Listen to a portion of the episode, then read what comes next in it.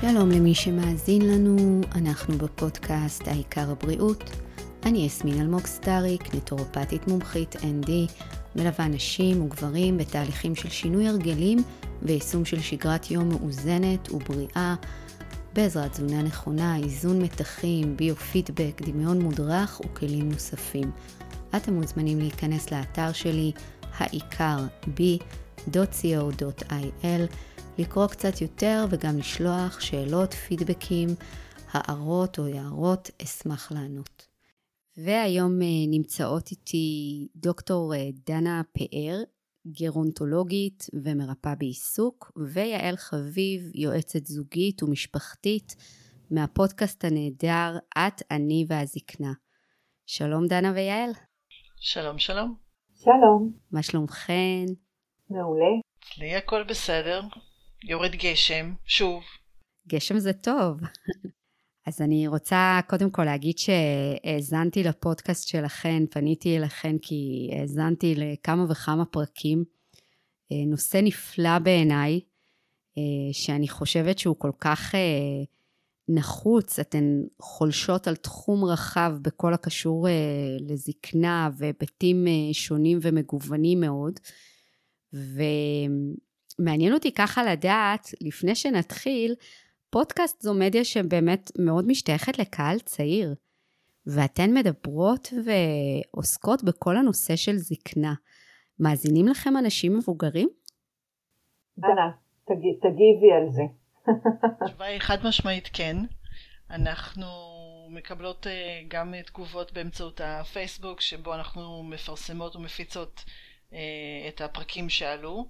וגם באופן אישי, במיילים שפונים אלינו, אנשים שמכירים אותנו, מטופלים שלנו, אה, בני משפחה של מטופלים שלנו, שאנחנו אה, שומעים מהם תגובות, לטוב, לפעמים גם פחות, כאילו, יש גם אה, דרישות או ביקורת קלה, לא מאוד משמעותית, אבל כן, פונים אלינו אנשים מכל הגילאים, גם ממה שנקרא, מאחרי 65 מגיל הזקנה, גם אנשי מקצוע, זה בשימוש, וזה הרעיון, בגלל, לא רק בגלל, אבל נכון, זה מדיה שהיא נחשבת למאוד צעירה אמ, והיא מקובלת, אבל אני חושבת שהיא נהדרת גם לאנשים אה, מבוגרים יותר, ואפילו יש אנשים שיאמרו שיותר קל להם להאזין או להקשיב למשהו מאשר נגיד לקרוא ספר.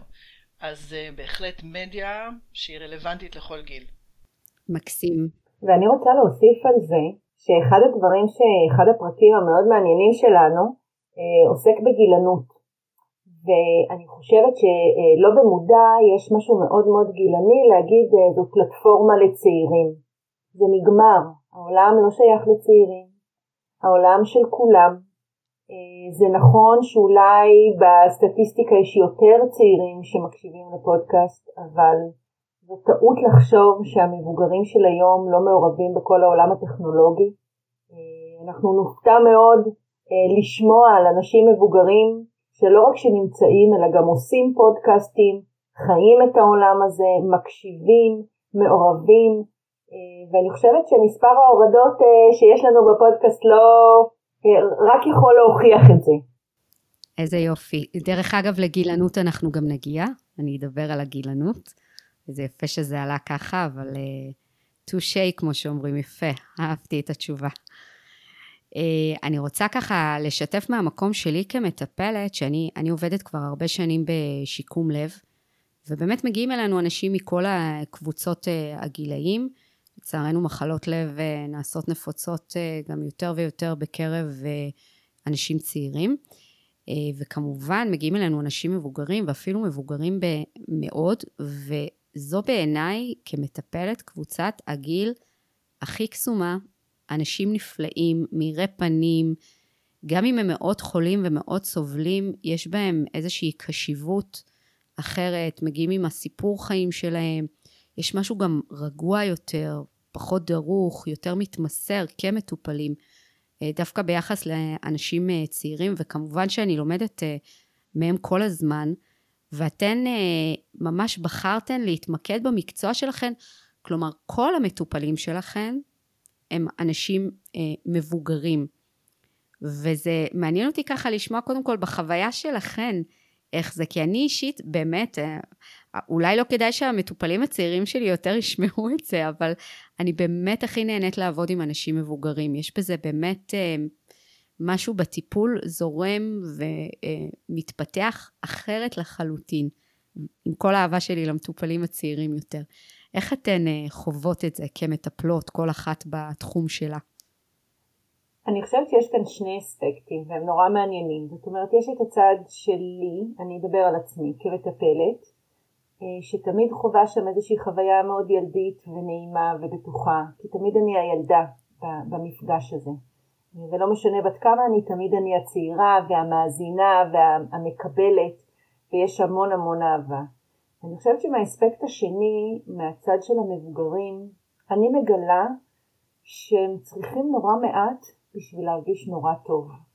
שבסופו של יום באמת אנחנו מדברים על הדברים אולי הכי אלמנטריים של הקשבה, של אולי קצת מגע, של uh, מבט בעיניים, של משהו שהוא הרבה יותר חומל.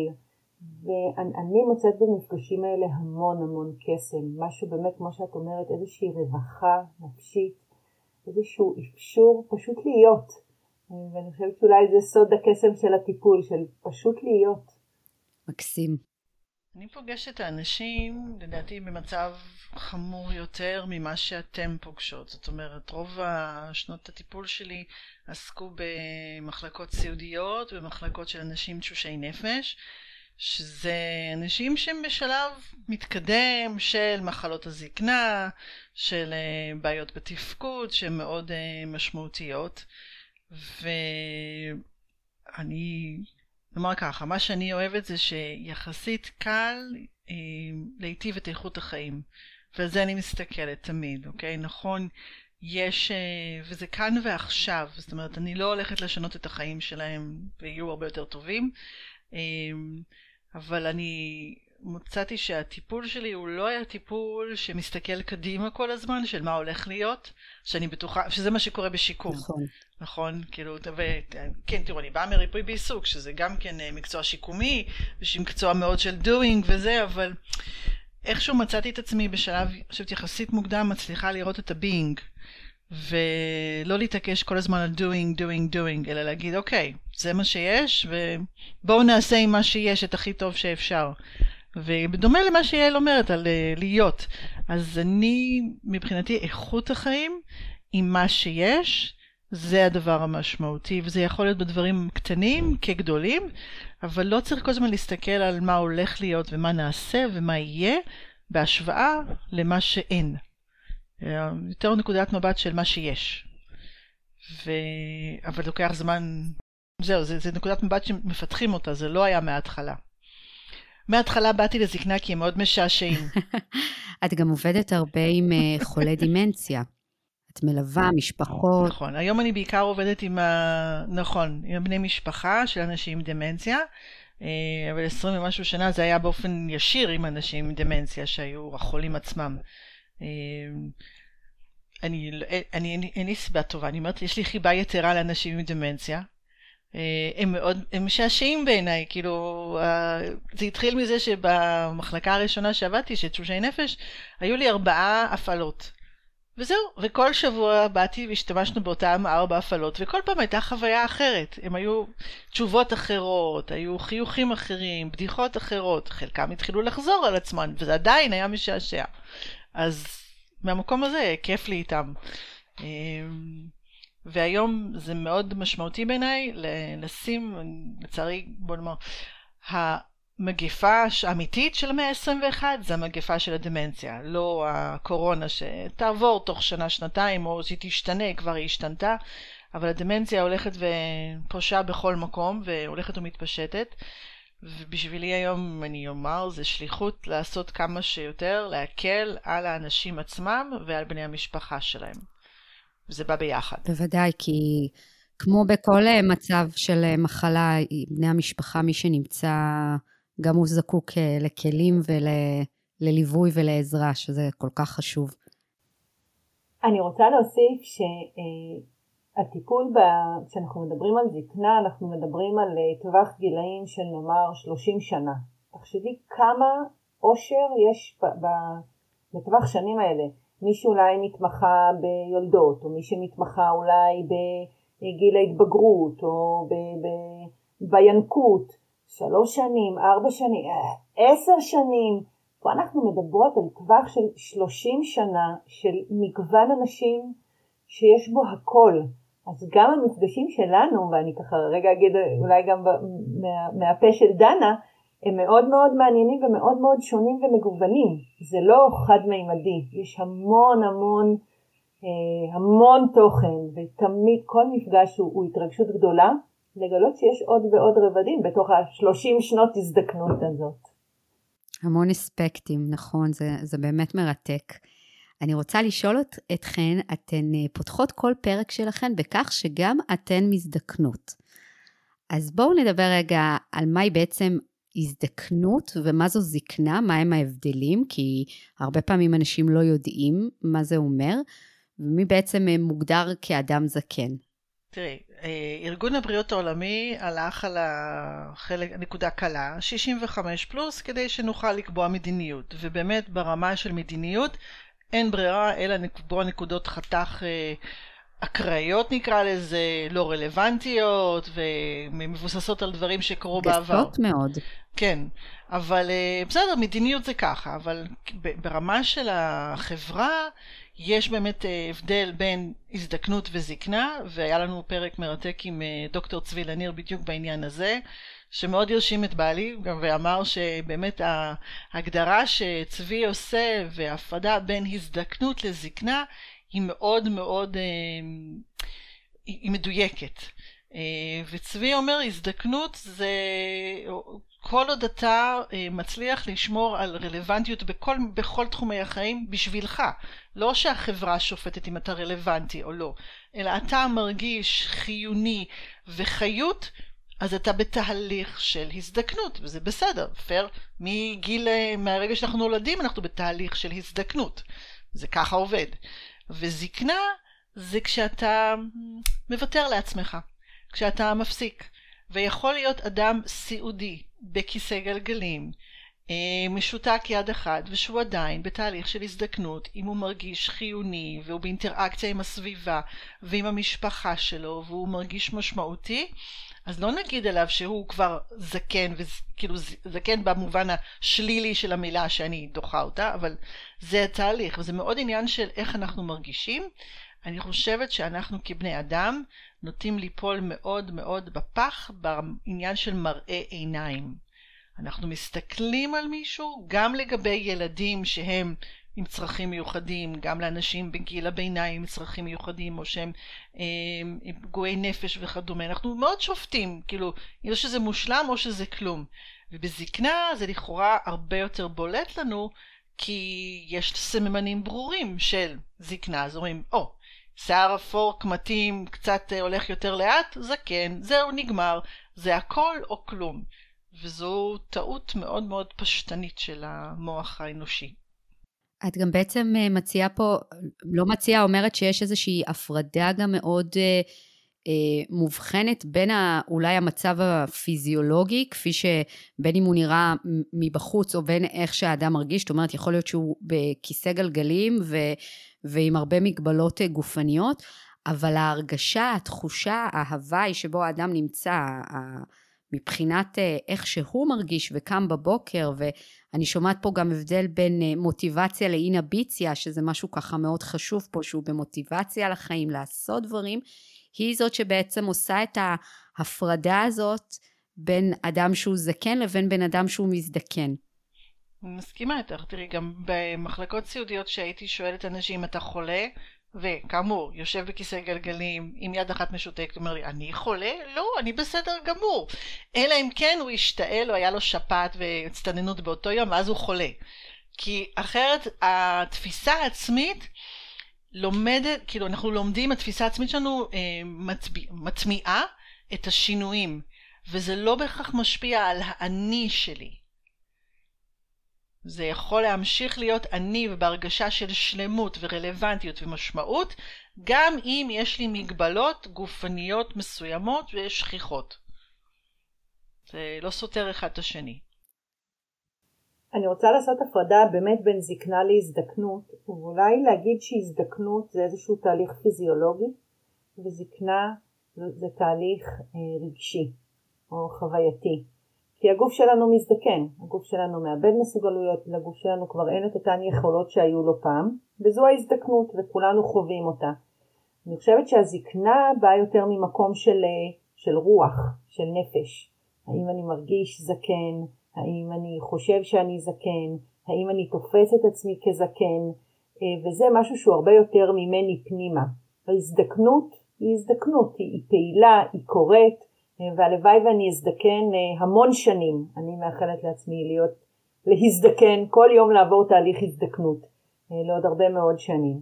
ויחד עם זה אני מכירה בזה שהגוף מזדקן, אבל כן יש משהו בנפש ואני חושבת שאין אדם אין אדם מבוגר שלא תשאלי אותו בן כמה הוא וזה אף פעם לא יהיה בהלימה לגיל הכרונולוגי שלו.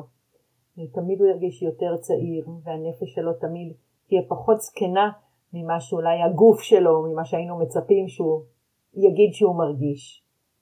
הערה חשובה, זה נכון, זה גם, במובן הזה אני חושבת אז על כמה אנשים אה, צעירים שאני מכירה שהם בעצם זקנים ב... בהתנהלות היומיומית שלהם, בתחושת העצמי שלהם, בדיבור, באיך שהם לוקחים דברים. אני אומרת, יש בינינו הרבה מאוד זקנים שנראים אה, צעירים מאוד, אבל בעצם הם לא, לפי, לפי איך שאתן בעצם מסבירות את זה כרגע. אני פוגשת אה, מטופלות לא פעם, או מטופלים, שאני חושבת שהם הרבה יותר צעירים ממני ברוח, שאני יותר זקנה מהם, במרכאות ברוח שלי או בנפש שלי.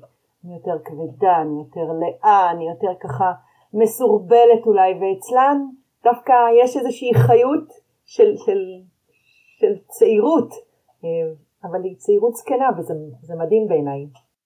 צעירות זקנה, איזה מושג יפה. אני מניחה שהרבה שמאזינים לנו כרגע יכולים ככה לקחת את זה ו... ולשאול את עצמם איפה זה פוגש אותם, חבר'ה צעירים שבאמת אה, הרבה פעמים בתחושה העצמית שלהם הם בעצם אה, ממש אה, זקנים, למרות שאני חייבת להגיד שזה גם בין השאר תולדה של אורח חיים מאוד אינטנסיבי וריבוי משימות ואיזושהי שחיקה שהרבה פעמים אנחנו מגיעים אליה דווקא מהעודף של העשייה, שכמו כל דבר בחיים צריך את הכל במידה ואז באמת יכול להיות שעולות גם תחושות כאלו. אז זה יפה וככה נקודה למחשבה, אני גם אבדוק איפה זה פוגש אותי אה, לפעמים. אני מניחה שכל אחד ואחת מאיתנו זה פוגש אותם לפעמים. נכון, זה תמיד אה, מעניין. אני רוצה... אה, כן.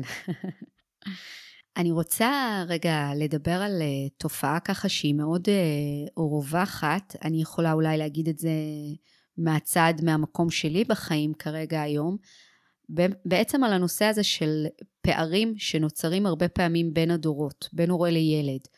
הורה שמצד אחד מגיע לגיל הפרישה, פתאום מתפנה לו הרבה זמן ממצב שהוא עבד במשרה מלאה והיו לו את העיסוקים שלו, והוא ככה, תמיד יש את, ה, את התקופה הזאת של ככה ההסתגלות הזאת בעצם לנושא הזה באמת של, ה, של הפרישה, של הפנאי הרב שמתפנה.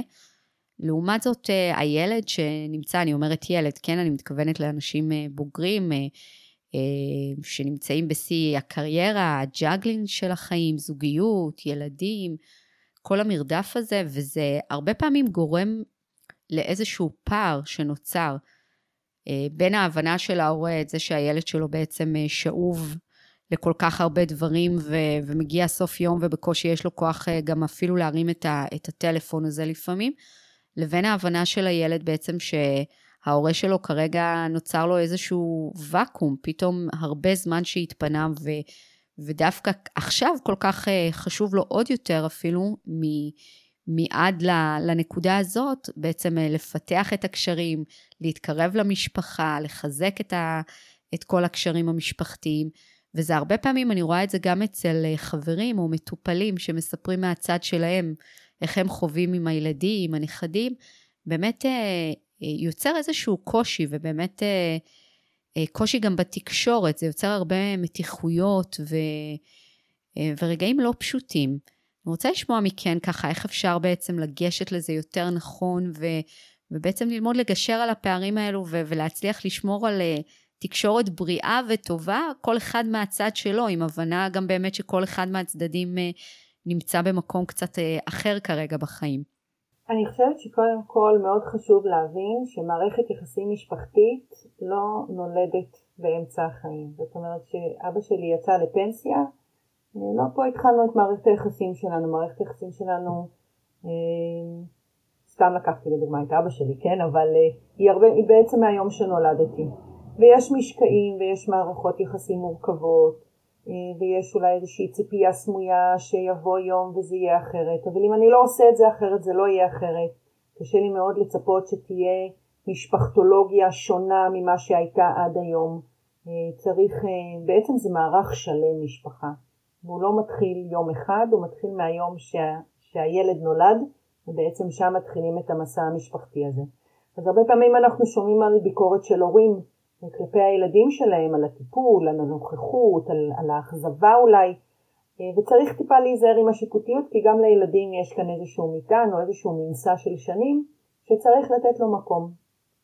אני בהחלט מבינה את הצורך של האנשים המבוגרים שהתפנה הזמן ופתאום יש המון המון פנטזיות לאיך אני ממלא את הזמן הזה. אמ, אני חושבת שאמרת את המילה תקשורת, והלוואי והיא הייתה אה, יותר נוכחת אה, תמיד, אה, שוב, מהינקות בתוך המשפחה. קשה מאוד להתחיל תקשורת באמצע החיים. אני באופן אישי מאוד אופטימית ואני חושבת שתמיד אפשר להכניס כלים חדשים לתקשורת, לתיאום ציפיות, לקירוב לבבות, לאיזשהו כל מיני קלוז'רים בתוך מערכות יחסים בשביל שיאפשרו לנו לנהל איזשהו קשר יותר, יותר מיטיב בתוך התא המשפחתי לשני הצדדים.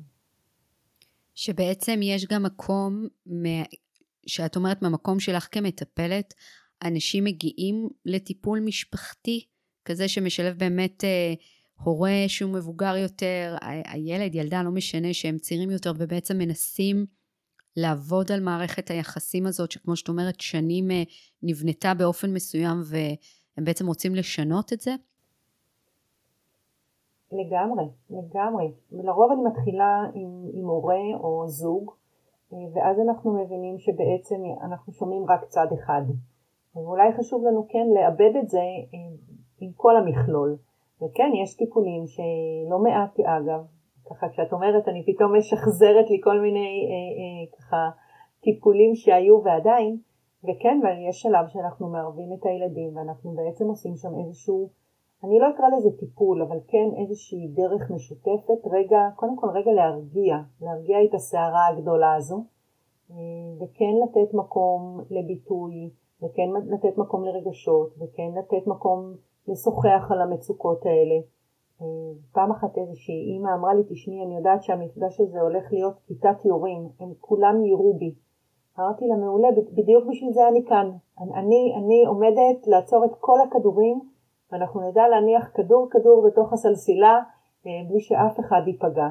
אה, וכן, אני חושבת שיש בזה תהליך, אה, תהליך מאוד מאוד מחלים, מאוד מבריא ומרפא.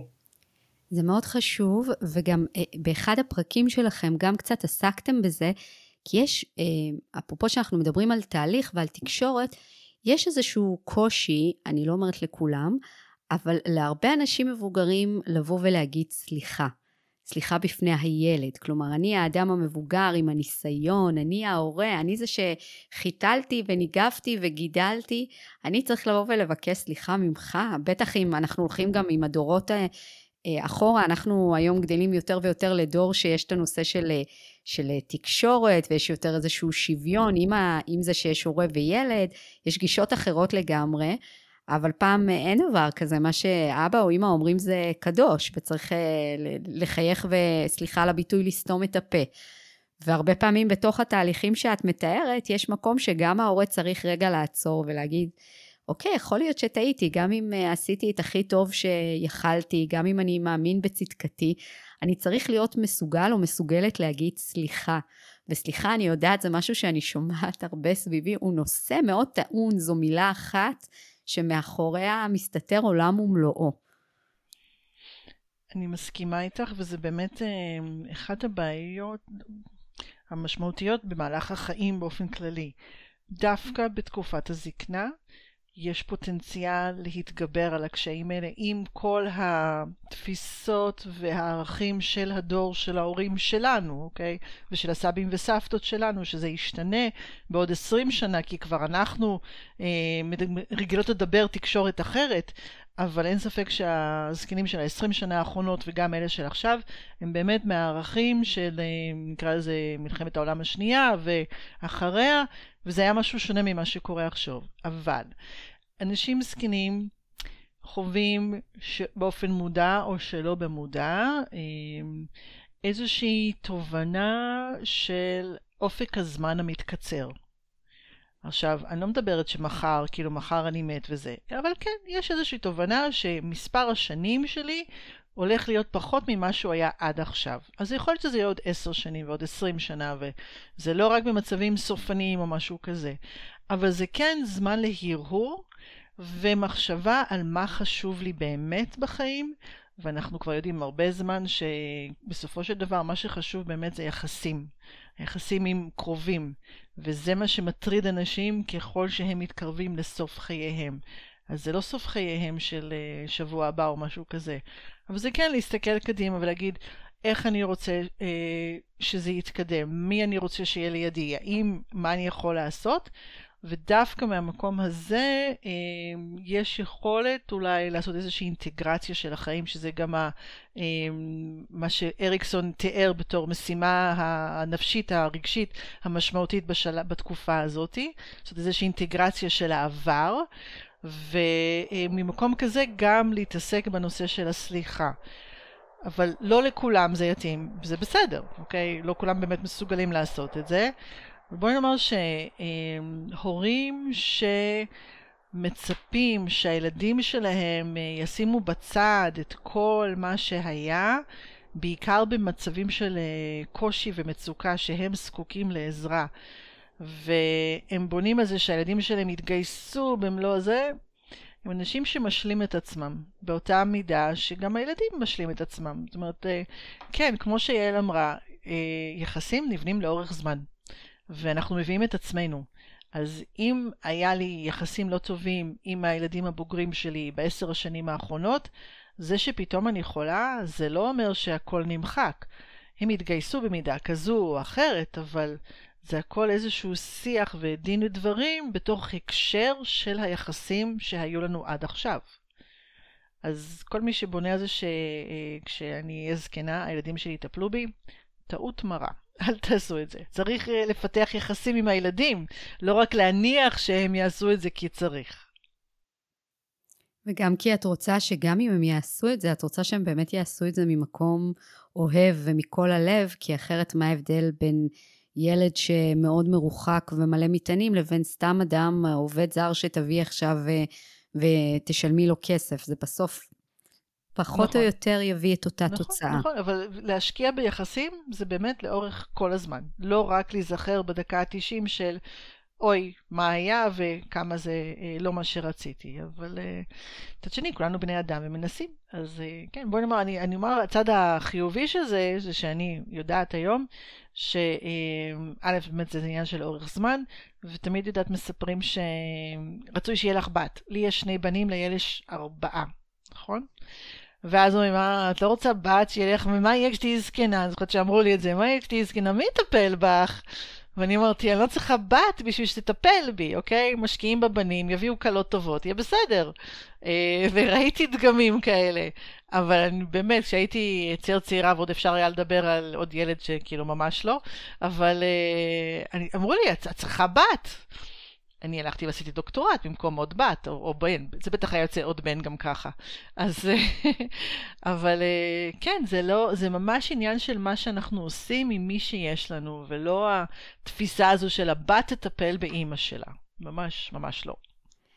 דרך אגב, אני גם אימא לשני בנים, אה, ואני בגיל שעדיין אפשר להביא עוד, אז אני כל כך מזדהה כי אני שומעת את זה בלי סוף. את חייבת בת.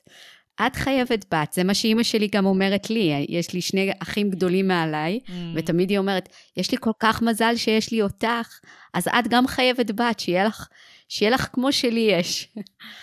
אז כן, זה כל כך נכון. כבר, יש, כבר יש פה רף ציפיות, שימי לב. אה, אני שמה לב, לגמרי. אבל אני רוצה, אני רוצה אולי ככה להוסיף לדברים אולי איזושהי נקודת אור, שבעצם אין גיל שמאוחר מדי להתחיל לטפל בקשר, או לחזק את הקשר, או להכניס אור לקשר. אה, זה יכול להיות גם לצורך העניין, אה, דיברנו על זה שאני לומדת לליווי רוחני, גם שבוע לפני שאני מת, אני עדיין יכול בחוויה לתקן את הקשרים ולעשות סוג של סגירות או closure ים בתוך מערכות יחסים מורכבות שהיו לי עם הילדים.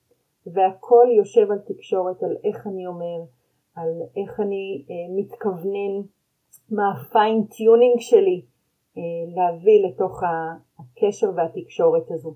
ואף פעם אין גיל מאוחר אה, באמת אה, לנהל את זה ולצאת בחוויה טובה מהחיים האלה.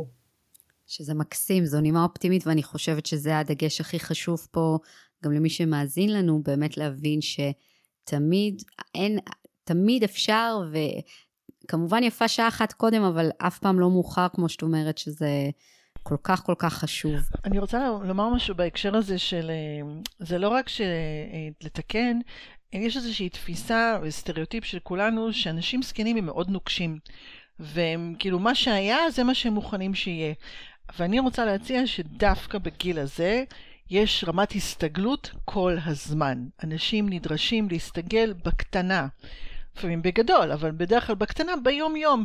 מה הם יכולים לעשות, מה קשה להם לעשות, כן עושים את זה, הולכים עם ההוא, יש אובדנים רבים. זאת אומרת, רמת ההסתגלות דווקא בתקופה הזו של החיים היא משמעותית יותר, היא נדרשת ברמת היום-יום, יותר מאשר כל דבר, בטח בשנות ה-30, ה-40, ה-50 שלי, שהחיים הם די סטטיים בסך הכל, אוקיי? כאילו הילדים גדולים, אבל אני לא נדרשת כל הזמן לת... להתאים את עצמי ולסגל התנהגויות או להתמודד עם אובדנים ולהמשיך הלאה.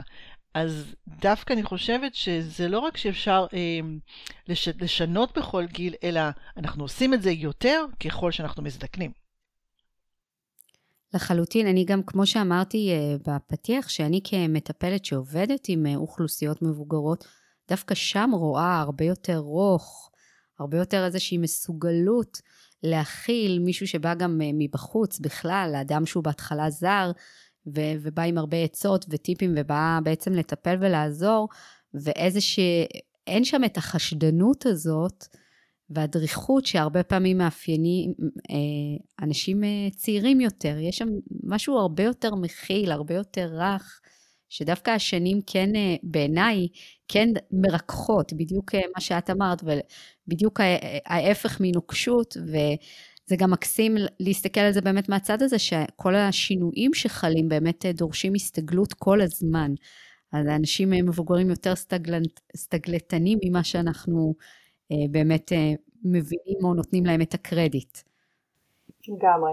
אני רוצה בהמשך ישיר לזה לשאול אותך, דנה, אה, בסופו של דבר, גם לצד באמת אה, קשרים אה, טובים, גם במשפחות שיש בהן קשרים טובים, בכל זאת, בתהליך הזקנה חלים שינויים, בין אם הם קוגנטיביים, רגשיים, דיברנו, ש, שבסוף גם משפיעים באיזושהי רמה על האדם, בין אם זה בתקשורת, בהתנהלות, לפעמים יש איזושהי יותר איטיות, לפעמים יש קצת שכחנות, אני לא מתכוונת למצבים אה, של דימנציה, מתכוונת למצבים רגילים, וזה מצריך הרבה פעמים, אני רואה את הקושי של הילדים לקבל את זה שיש איזשהו שינוי, כלומר ההורה שלי הוא כבר לא אותו אדם אה, סופר זריז ותקתקן אה, והכל ככה על קוצו של יוד, אלא דברים משתנים. והרבה פעמים זה יוצר מתיחות, כלומר יש קשרים מצוינים, פתאום אה, ההורה עובר, אה, זה לא פתאום, לאט לאט, בהדרגה, ההורה עובר איזה שהם שינויים, וקשה לילדים להבין, הם שואלים מה קרה, רגע, מה, מה, מה קורה פה, ובעצם יש איזשהו פער בהבנה אה, שבכל זאת כן יש שינויים שחלים. נכון, א', אנחנו לא בקיאים מספיק, אני אומר, הציבור הרחב לא מבין ויודע מספיק מה הנורמטיבי. מה אפשר לצפות ולא להתחיל לדאוג, ישר כאילו הולכים לקטסטרופה. אה, יום אחד היא משתעלת, כנראה כבר יש לה בעיה והיא תכף נחנק וצריך לעבור לזונדה והאכלה מלאכותית וכל מיני דברים כאלה, כאילו, מה, כולו הקדימה כנראה לוושת, זה קורה לכולנו. אה, כל מיני דברים כאלה, או יום אחד היא נפלה והיא נקעה את הרגל, תכף היא שוברת את הירך ועכשיו כיסא גלגלים. כאילו, אנשים עוברים מקטן לקיצוני מאוד מאוד בקלות, כי באמת לא מכירים. אין איזשהו אה, הכנה, אוקיי? נגיד, לצורך העניין, כשאני הייתי, אה, נולד לי הבן הראשון שלי, היה לי מה לצפות בשנה הראשונה לפי חודש.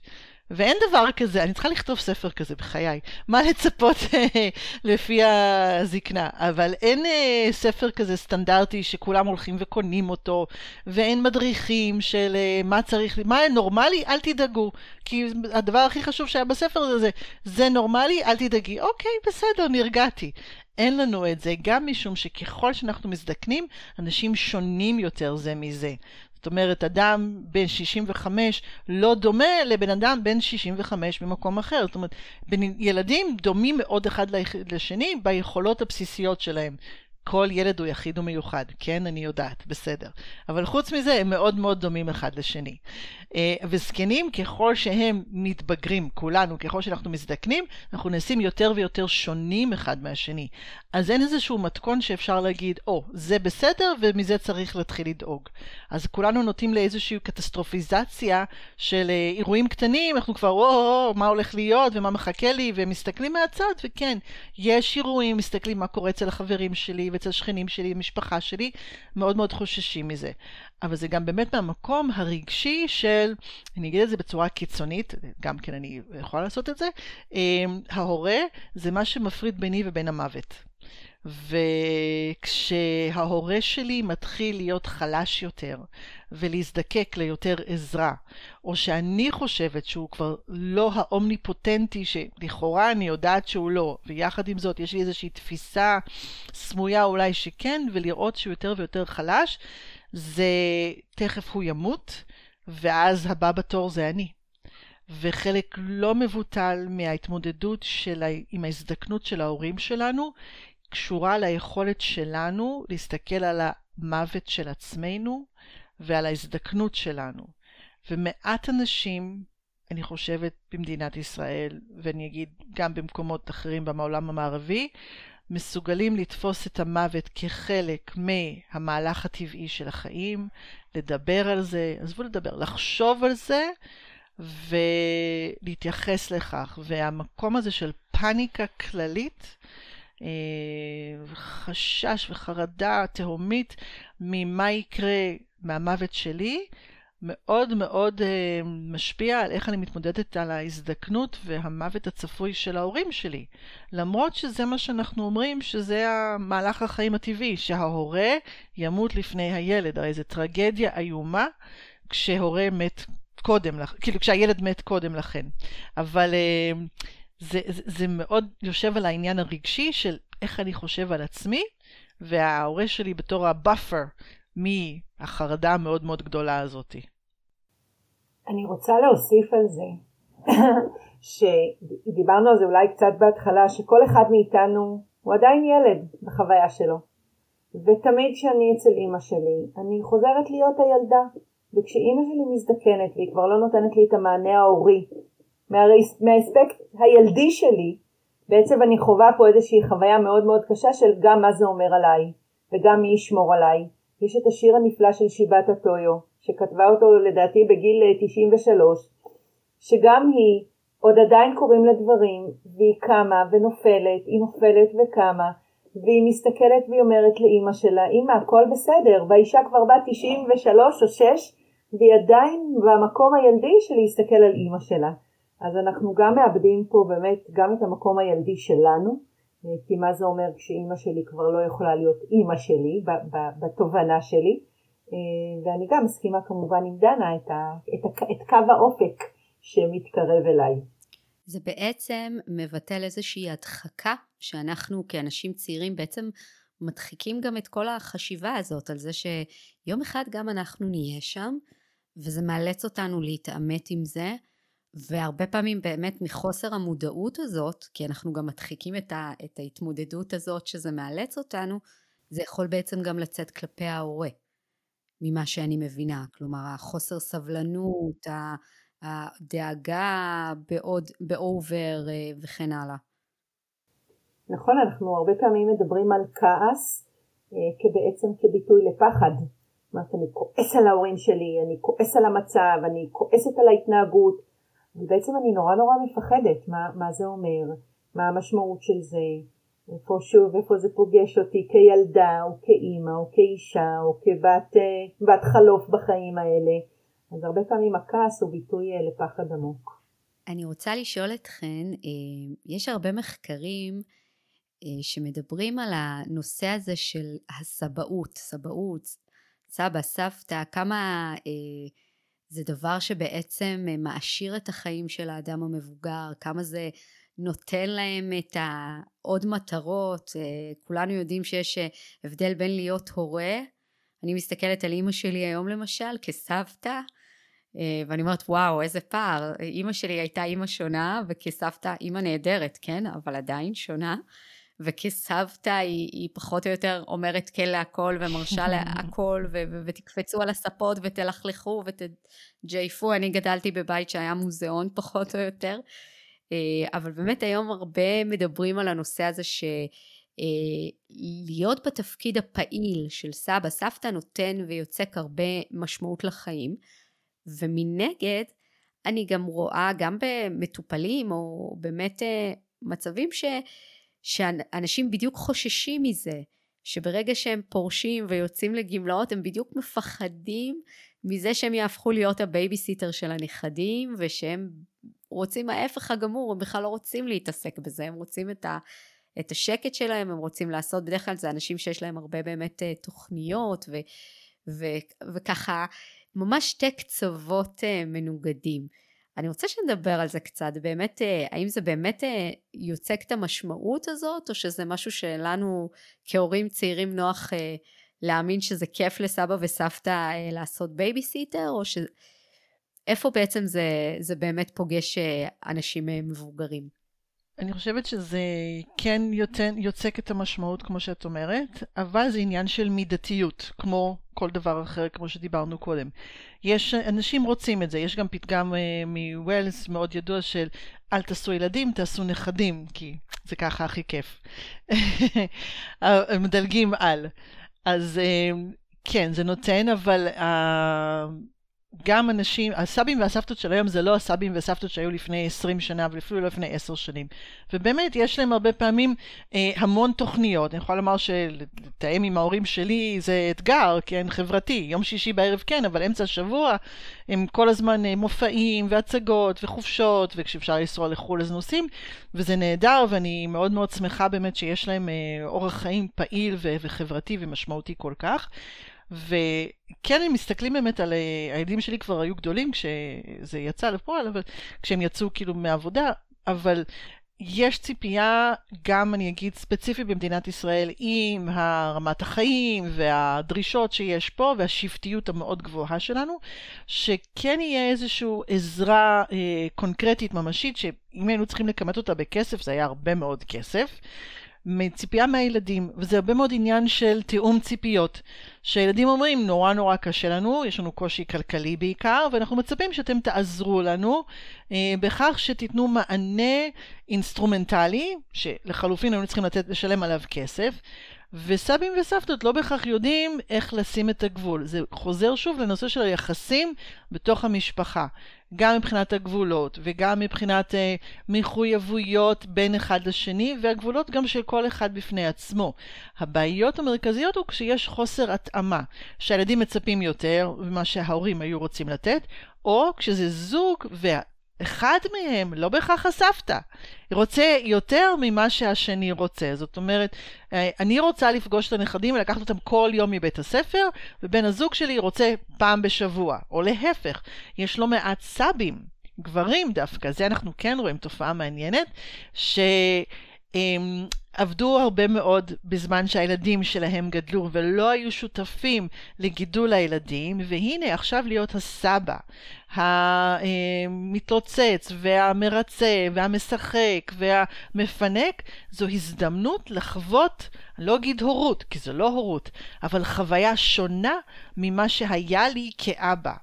אמ, לא בהכרח פיצוי, אבל בהחלט שונה, ויש הרבה מאוד סאבים שמתגייסים ל- להוציא את הילדים כל יום, כל יום מבית הספר או מהגן או מה שזה לא יהיה, לא בהכרח לרוחה של בת הזוג שלהם שהייתה רוצה יותר טיולים וכדומה. זאת אומרת, זה הכל עניין של ההתאמות.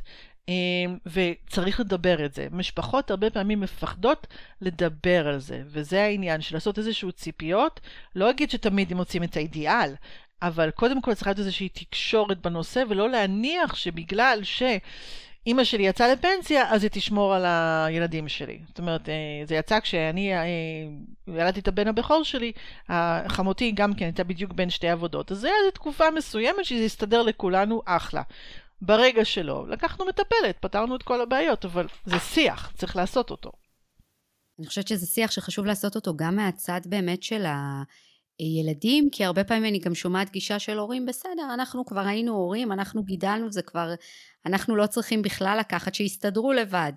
גם אם אותו ילד גדל אצל סבא וסבתא הרבה מאוד, והסבא והסבתא עשו בייביסיטרים, ההורים גם נוטים לשכוח את זה, אבל הם הגיעו עכשיו לאיזשהו שלב בחיים שזה זאת כבר לא אחריות שלי וזה גם מסר שהם מעבירים לילד והרבה פעמים זה באמת יוצר את המתיחויות האלו כי הילד גדל הרבה אצל סבא וסבתא והיה הרבה שם ובעצם גם למד מתוך זה שזה חלק אינטגרלי וטבעי בחיים שסבא וסבתא לוקחים איזושהי מעורבות אפילו של פעם בשבוע או שבועיים. אנחנו לא כל יום זה באמת אה, ממש אני, אני חושבת שזה מקרים אה, ככה קצת יותר אה, יותר בודדים אבל ואז בעצם נוצר באמת, אה, נוצרת איזושהי מתיחות כי, כי, כי פתאום גם מקבלים איזשהו מסר כאילו אנחנו לא רוצים להיות נוכחים, זה לא חשוב לנו, זה אפילו לאו דווקא ממקום של כסף, אלא ממקום שילד רוצה להרגיש שההורים שלו רוצים אה, לגלות מעורבות בחיים שלו, רוצים לראות את הנכדים, את הילדים, זו עוד דרך של הורה כביכול להביע אהבה גם כלפי הילד, גם אם זה בא דרך הנכדים, זה גם, אה, גם מהנקודה הזאת. אני רוצה להגיד שבקליניקה הרבה פעמים אני פוגשת את, את נקודות הקיצון, זאת אומרת את אלה שאין בכלל קשר עם הנכדים, אה, ופה באמת מה המשמעות שלי, מה המקום שלי, אה, כמה אני רוצה וכמה אני מתוסכל שאין לי, או מהצד השני, הקיצון השני זה כל החיים שלי זה הנכדים, כאילו ואני די, אני מתוסכל, אני לא רוצה שזה מה שיגדיר אותי. אה, והרבה פעמים אנחנו מחפשים את המקום של ההגדרה כי איבדנו את. את הזהות המקצועית שלנו, כמו שדיברנו על, על אובדנים במהלך גיל ההזדקנות, אז הנה, יש לי פה תפקיד, יש לי פה משמעות, יש לי פה עניין, אבל האם באמת אני נהנה ממנו? האם באמת אני נהנה ממנו במינון שהוא קיים? זאת אומרת, אה, אז, אז באמת בקליניקה פוגשים את שתי הנקודות, את שתי נקודות הקיצון, את הנקודה של ה... באמת של הניכור של סבא וסבתא זאת נקודה קשה מנשוא, קשה מנשוא. חשוב, תודה. אז uh, אני רוצה ככה uh, לסיום uh, לדבר איתכם על תופעה שהיא באמת, העליתן את זה בתחילת הפודקאסט, על הנושא הזה באמת של גילנות, בעצם דעות קדומות, סטריאוטיפים לקבוצות גיל שונות, אנחנו כרגע מתמקדות בנושא הזה באמת של, של הזקנה, וזה משהו שהוא מאוד רווח בתרבות המערבית, כי אם נלך לתרבויות אחרות אה, דווקא האדם הזקן המבוגר מקבל הרבה מקום של אה, כבוד, חוכמה, יש, אה, יש לו הרבה say ואנחנו חיים בעולם שבאמת מקדש הרבה את, את הנעורים. זה אפילו אפילו לא אנשים צעירים כבר זה ממש ככה עם השנים הולך ויורד. ואני רוצה שרגע נדבר על זה כי מצד אחד זו תופעה שהיא באמת מאוד מכוערת והנה אפילו אני שאלתי האם אנשים מבוגרים בכלל מקשיבים לפודקאסט עם כל האהבה והכבוד שלי לאנשים מבוגרים והעבודה הרבה שלי איתם, אז יש את המקומות האלה, אבל יש מקומות שזה גם ממש יורד לרזולוציות של אנשים מבוגרים לא מבינים שום דבר מהחיים שלהם, הם ממש לא בעניינים, אין להם באמת מה לתרום, זה מגיע למקומות באמת מאוד אה, אה, מכוערים. איך אנחנו בעצם יכולים קודם כל להיות מודעים לזה, להבין שאנחנו כרגע מביעים איזושהי גילנות, גם אם זה לא בכוונה, ואיפה באמת, איך אפשר להתחיל לתקן, מאיפה זה צריך להתחיל כדי שהתופעה הזאת תלך ותצטמצם ואדם אה, זקן יקבל את הכבוד המגיע לו בתוך החברה. כולנו גילניים.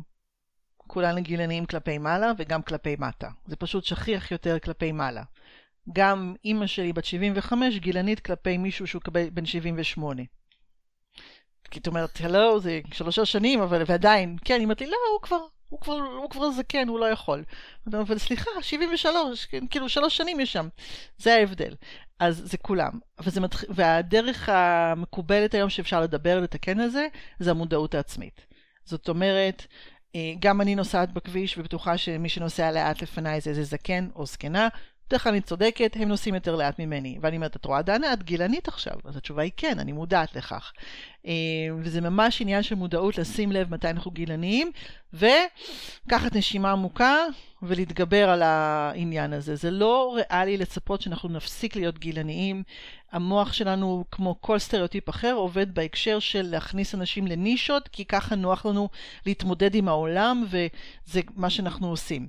אז זה לא איזו שאיפה. הגילנות מטרידה אותנו יותר כשזה מגיע לרמה של אה, שירותים, מדיניות, שבה אנחנו יכולים לראות שיש אפליה ספציפית על רקע גיל, שגורמים, מכריחים אנשים לצאת לעבוד, מהמעגל העבודה, למרות שהם עדיין רלוונטיים, יש להם מה לתרום, בעלי יכולות אפילו יותר, זה גילני, אוקיי? לצורך העניין, חוק חובת הפרישה זה חוק גילני, כי אין חוק שמכריח אנשים להתחיל לעבוד בגיל 18 לצורך העניין, אין את ההפך מזה.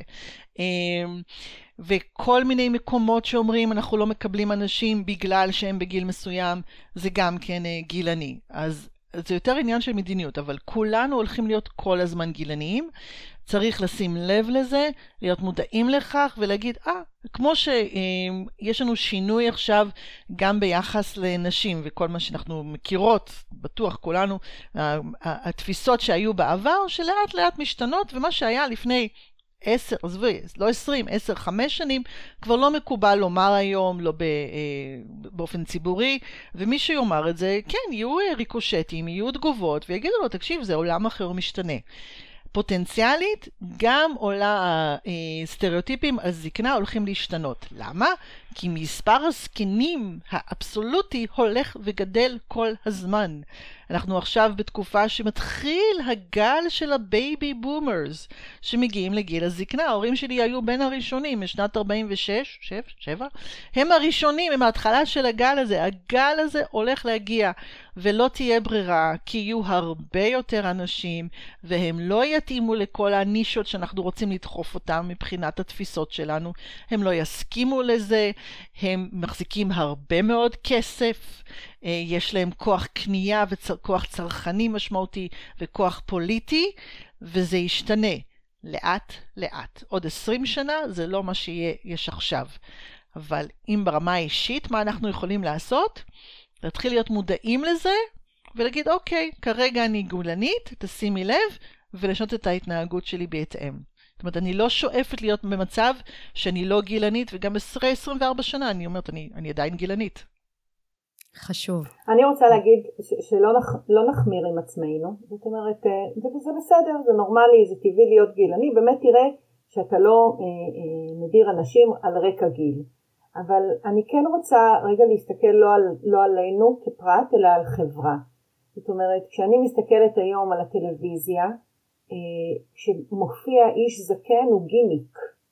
אני לא רואה אנשים זקנים אה, שיש תוכניות יהודיות, יש איזשהו ערוץ 98 כזה זניח לאנשים זקנים, תוכניות רדיו, אין תוכניות רדיו שיהודיות לגיל המבוגר, גם לא בשעות הרלוונטיות, כי זה לא מוכר, כי זה לא מעניין. אני חושבת שפה כחברה, אני רגע מסתכלת לא על הפרט עלינו, אלא על החברה באמת, החברה היא מאוד מאוד גילנית, אמ, ובפרט כל אחד באמת אה, יעשה את העבודה שלו וכמו שדנה אומרת תמיד תמיד תמיד נהיה, תמיד נהיה גילנים. אני כן רוצה להזמין אה, להקשיב לפודקאסט שלנו, לפרק על גילנות, כי הוא ממש מדבר על מהי גילנות, איך היא באה לידי ביטוי, ואפשר שם להבין באמת יותר לעומק אה, עם דוקטור ליאת החירון מה זה, מה זה אומר הגילנות הזו.